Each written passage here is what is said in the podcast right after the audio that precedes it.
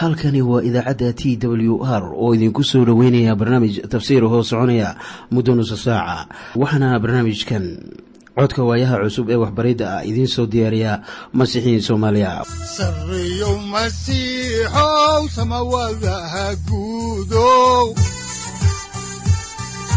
Siraadkii adduunkow subanaha eebow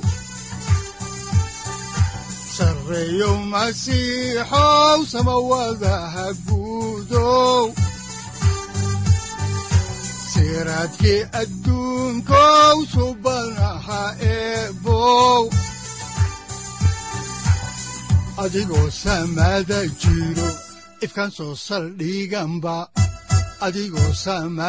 jiro ifkan soo saldhiganba kutubtiisanaye wuxunogu saaciiday sharxin sifahaaga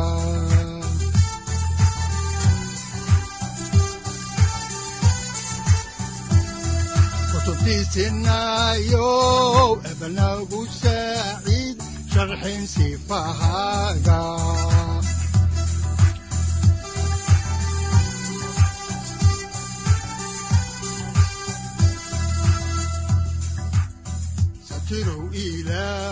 ku soo dhowaada dhegaystayaal barnaamijkeenna dhammaantiinba waxaan horay u sii ambaqaadi doonnaa daraasaadkii la magac baxay baibalka dhammaantii. Waxaannu idiin sii wadi doonnaa kitaabka yeshuuca oo ka mid ah axdigii hore. Yeshuuca wuxuu ahaa hoggaamiyihii reer banu israa'iil kadib nebi muuse markuu dhintay. Waxaannu caawa idiin bilaabi doonnaa cutubka laba iyo labaatanaad oo aynu uga gudbi doonno kan saddex iyo labaatanaad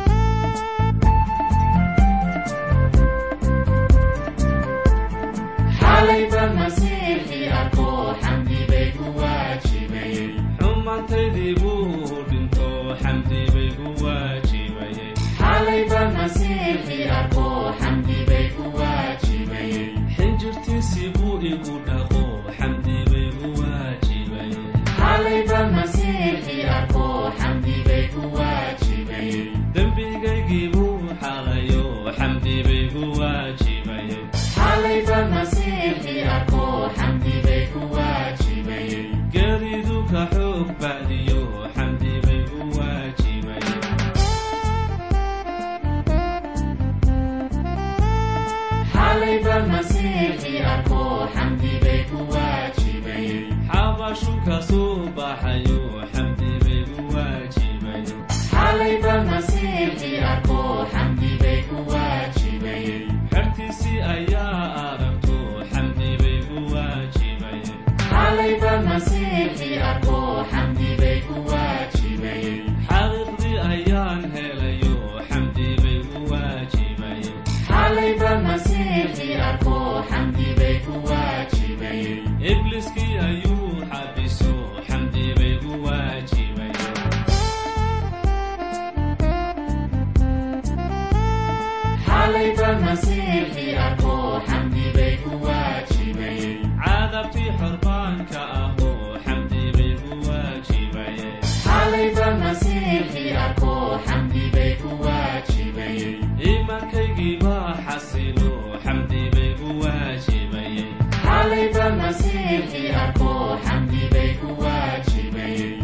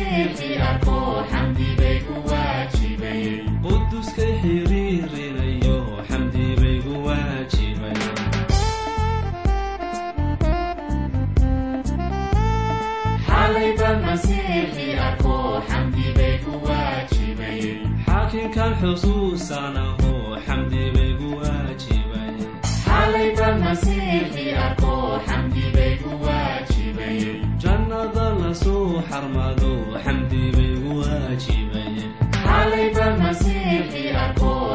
baygu waajibay la xisaabin maya biro xamdi baygu waajibay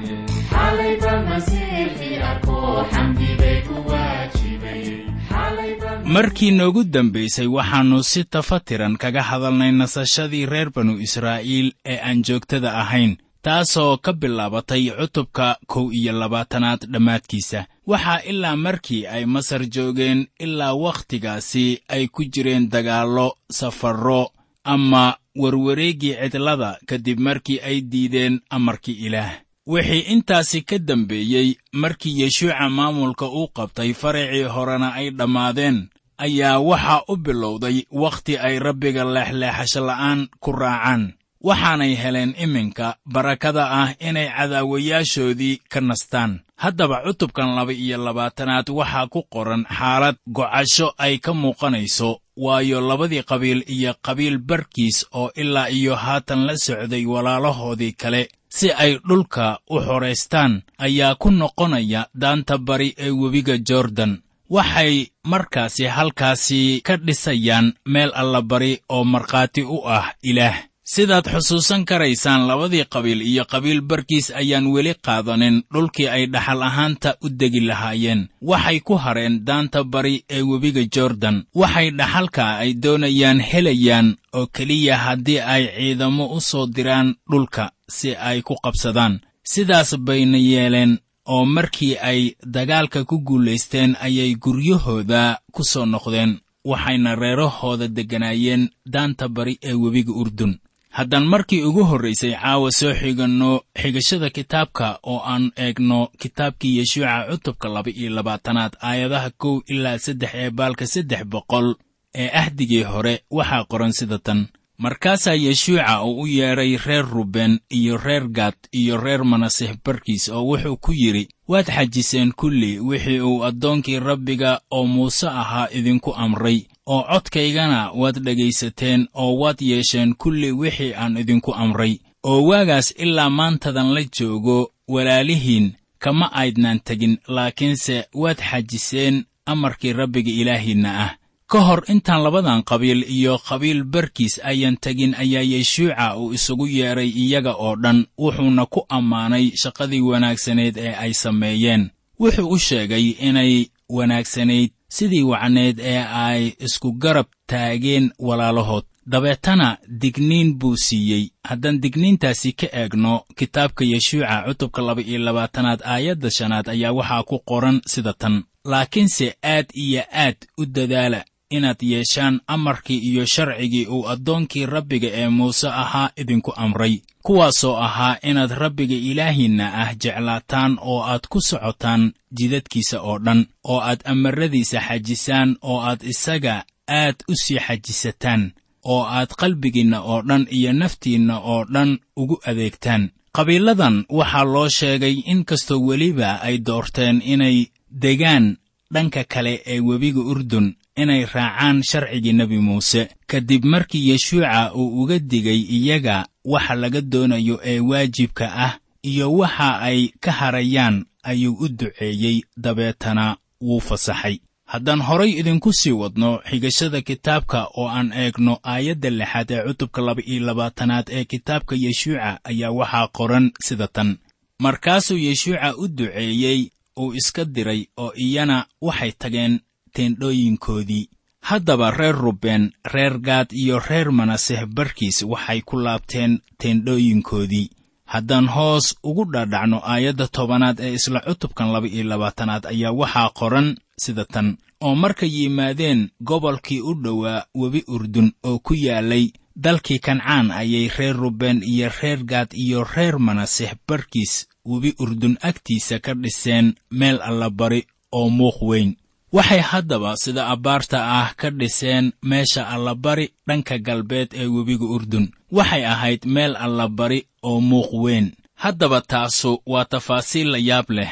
Waa marka la leeyahay meel allabari oo muuq weyn. Waxay taasu ka micno tahay in meel fog laga arki karo. Meeshaas allabariga ee ay dhiseen labadaasi qabiil iyo qabiilka barkiis. Wakhti dheer ayaa nimanka taariikhda baibalka baara ay raadinayeen ugu dambayntii waxay arkeen burburkii goobtaas qurbaanka lagu bixin jiray waxayna ka dhisnayd daanta bari ee webiga urdun. Welina maanta halkeedii bay ku taallaa. Waxay u dhiseen taalladan inay xusuusiso xaal ay maanka ku hayeen. Hase yeeshee markii qabiiladii kale ay maqleen waxa ay labadaasi qabiil sameeyeen ayay aad uga xumaadeen oo waxay isku soo urursadeen shiilo haddaan qisada ka eegno kitaabka yeshuuca oo aan eegno cutubka laba-iyo labaatanaad aayadda laba-iyo tobanaad waxay odhanaysaa sida tan. Oo markii reer banu israa'iil ay taasi maqleen ayaa shirkii reer banu israa'iil oo dhammu ku ururay shiilo inay dagaal ugu baxaan iyaga. Reer banu israa'iilka kale waxay rumaysnaayeen in reer ruben iyo reer gaad iyo reer manaseh barkiis ay dhisayeen meel allabari oo qurbaannada ay ku bixiyaan waxay la noqotay intaasu ay tahay iskuday ay kaga go'ayaan qaranka reer banu israa'iil.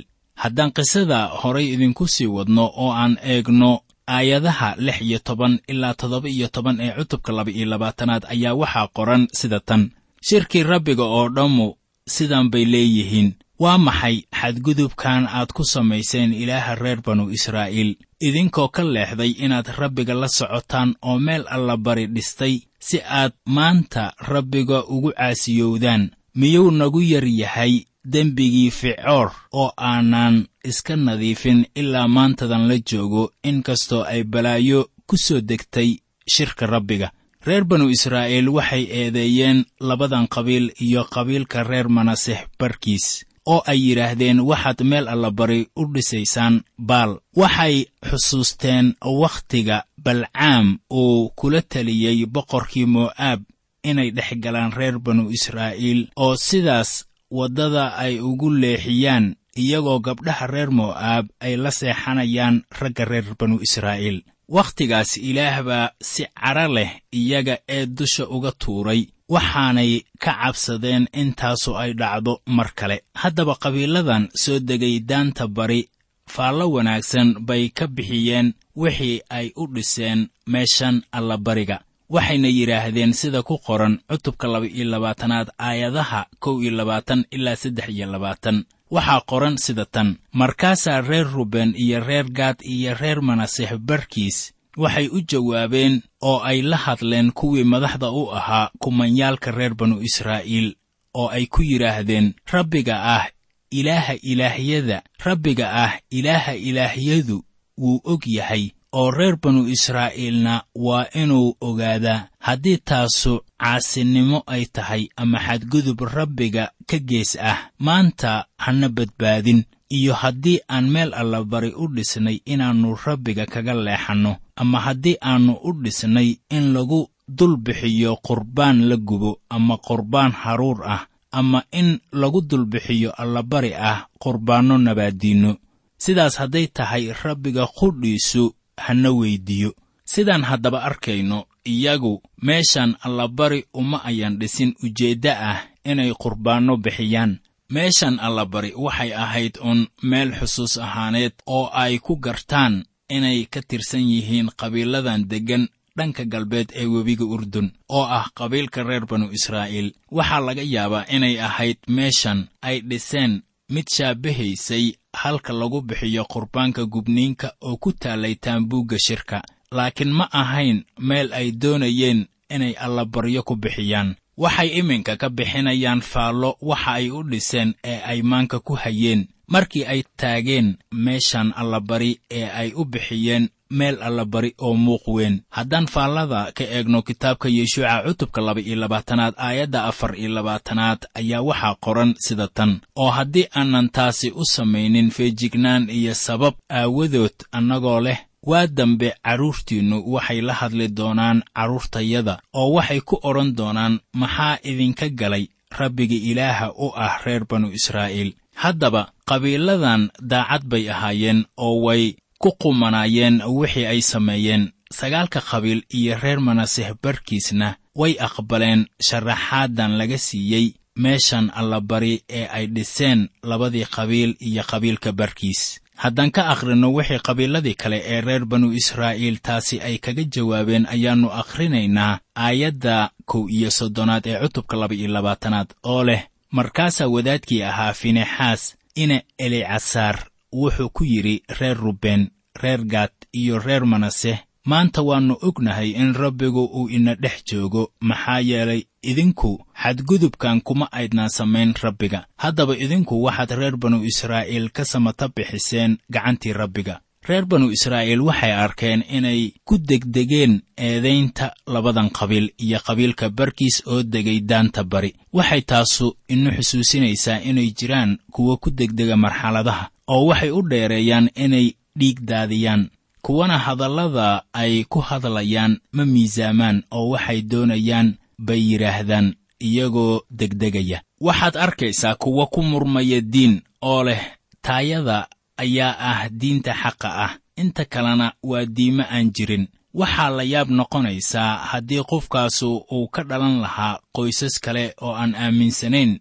diinta uu isagu aaminsan yahay. Muxuu isku sheegi lahaa waxaa wanaagsan in la qadariyo diinta qofka aadmiga ahi uu rumaysan yahay. Waxaase kitaabku uu inoo sheegayaa inaan wixii wanaagsan oo midho dhalinaya isfarno sida diinta masiixiga oo u taagan ama matalaysa nabad aan xad lahayn oo lagu helo masiixii sare kacay. Haddaba reer banu israa'iil waxay sameeyeen qalad markii ay walaalahood ugu yimaadeen iyagoo doonaya inay la diriraan haddaan soo koobno xigashada cutubkan laba iyo labaatanaad ayaannu iminka eegaynaa aayadda afar iyo soddonaad. Waxaa qoran sida tan markaasaa reer ruben iyo reer gaad waxay meeshii allabariga u bixiyeen markhaati. Waayo waxay yidhaahdeen waa markhaati na dhex yaal in rabbigu ilaah yahay markii dusha kore laga eego xaaladda ayay meeshan allabari u muuqataa wax wanaagsan. Oo kuwo badan oo ka faallooda kitaabka quduuska ah ayaa la dhacsan cudurdaarkii ay la yimaadeen labada qabiil iyo qabiilka barkiis haddaba aynu hoos ugu dhaadhacno faalladan ku saabsan meesha allabari ee weyn. Waxaa haddaba ka dhisnaa taambuugga meesha allabariga ee nuxaasta ka samaysan. Waxaanay ahayd in reer banu israa'iil ayaan dhisin meel allabari oo aan ahayn tan ku taalla taambuugga shirka haddaan xaalkaasi baarno ayaannu ku arkaynaa kitaabkii shanaad ee nebi muuse oo loo yaqaano sharciga ku noqoshadiisa cutubka laba iyo tobanaad aayadda toddoba iyo labaatanaad sida tan. Oo waa inaad qurbaannadiinna la gubo hilibka iyo dhiiggaba ku kor bixisaan meesha allabariga oo rabbiga ilaahiinna ah oo allabarigiinna dhiiggiisana waa in lagu shubo meesha allabariga oo rabbiga ilaahiinna ah. Hilibkase waa inaad cuntaan haddaba israa'iil waxaa loo sheegay inay burburiyaan meelaha allabaryada ee aan ahayn tan ku taalla taambuugga shirka. Waxaa ku qoran baxniintii cutubka afar iyo soddonaad aayadda saddex iyo tobanaad sida tan.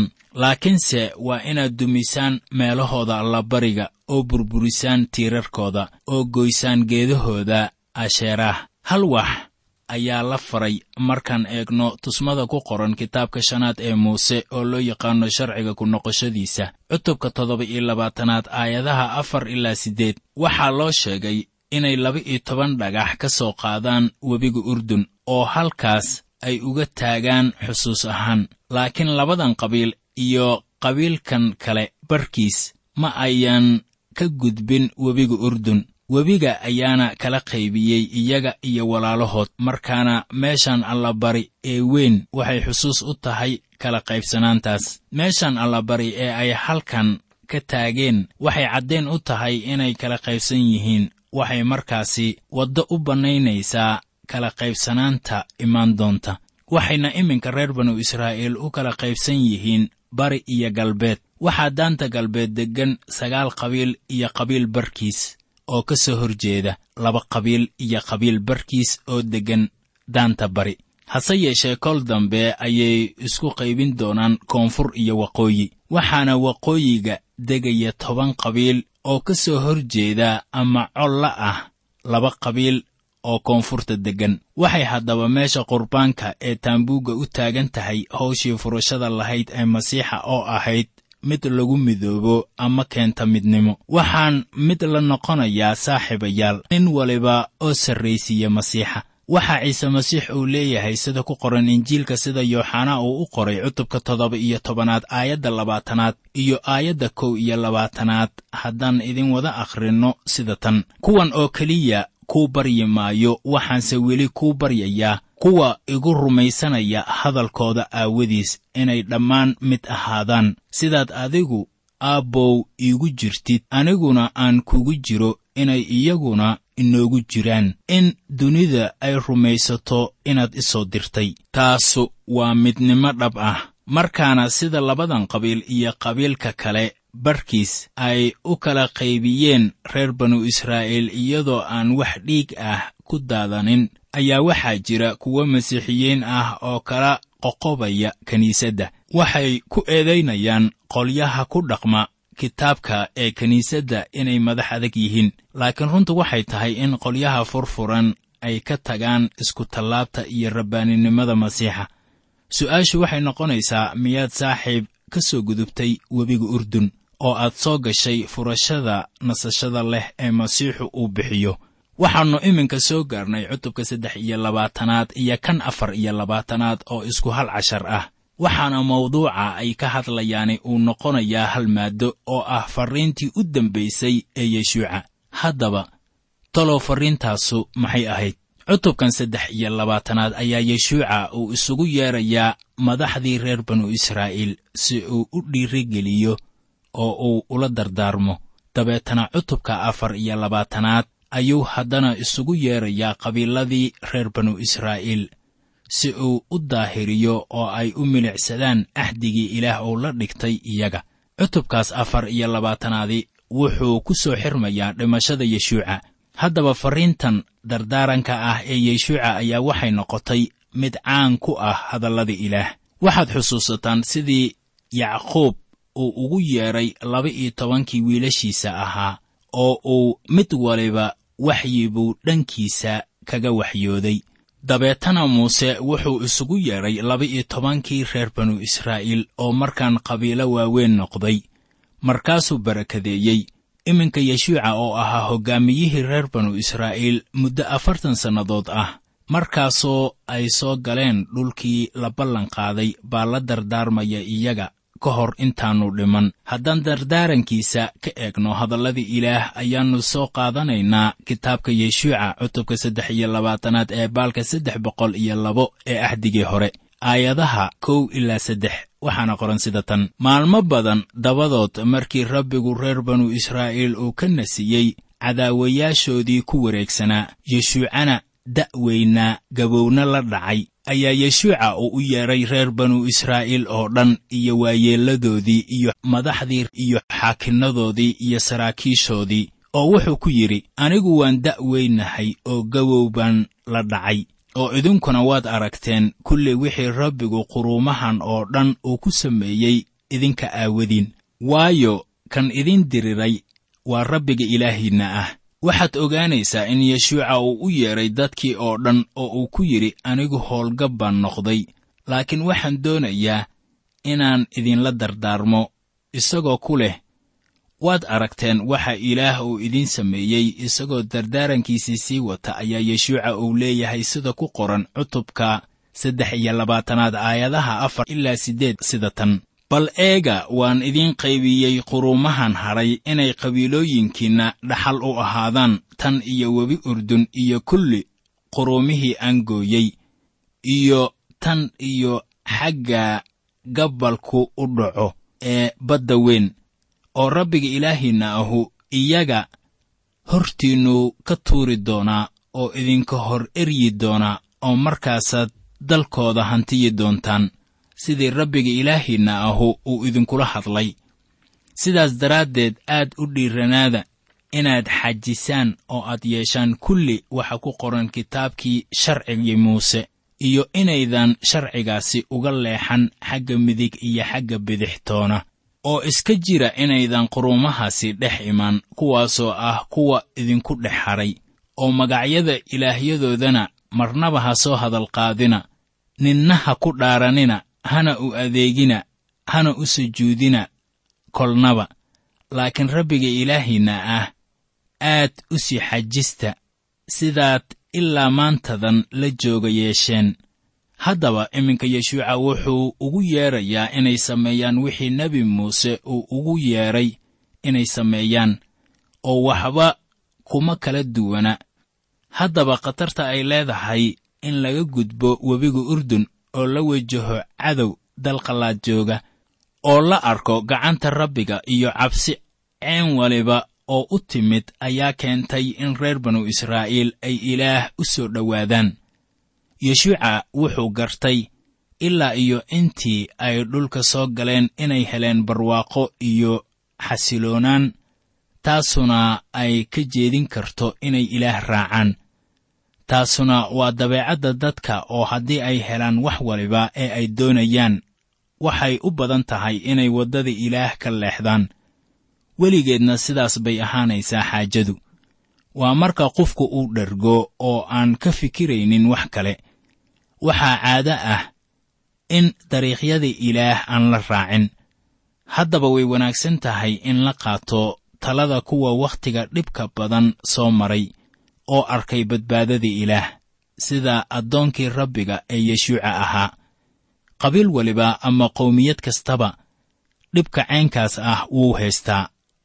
Haddii dalku nabad noqdo dadkuna ay iloobaan diiftii iyo dandarradii dagaalka waxay si deg deg ah ugu dhacayaan dembiyo nuuc waliba ah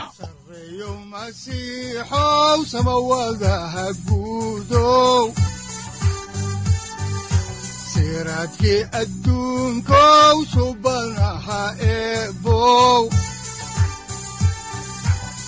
adigoo samada jiro ifkan soo saldhiganba adigoo samada jiro ifkan soo saldhiganba kutubtiisanaye udbanogu saaciiday halkani waa t w r idaacadda t w r oo idinku leh ilaa ha idin barakeeyo oo ha idinku anfaco wixii aad caawi ka maqasheen barnaamijka.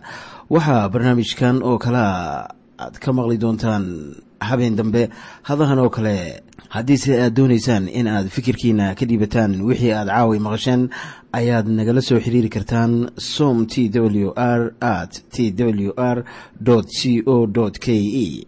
Haddii aad doonaysaan in aad dejisataan oo kaydsataan barnaamijka ama aad mar kale dhegaysataan fadlan mar kale booqo www t w r o r g www t t b t w r o r g amase waxaad teleefoonkaaga ku kaydsataa ama ku download garaysataa agabyada.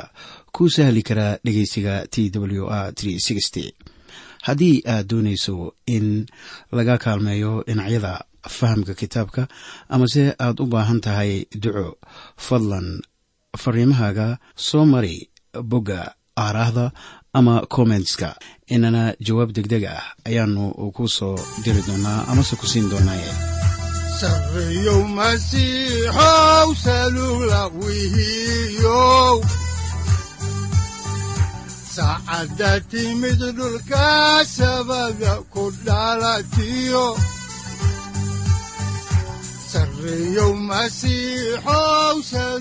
halkani waa t w r oo idiin rajaynaya habeen baraare iyo barwaaqaba leh. Inta aynu ka gaari doono wakhti aynu ku kulanno barnaamij la mida kan caawayay aad maqasheen. Waxa aan idinku leeyahay nabadda ciise masiix ha idinku badato xagga jidhka iyo ruuxaba. Aamiin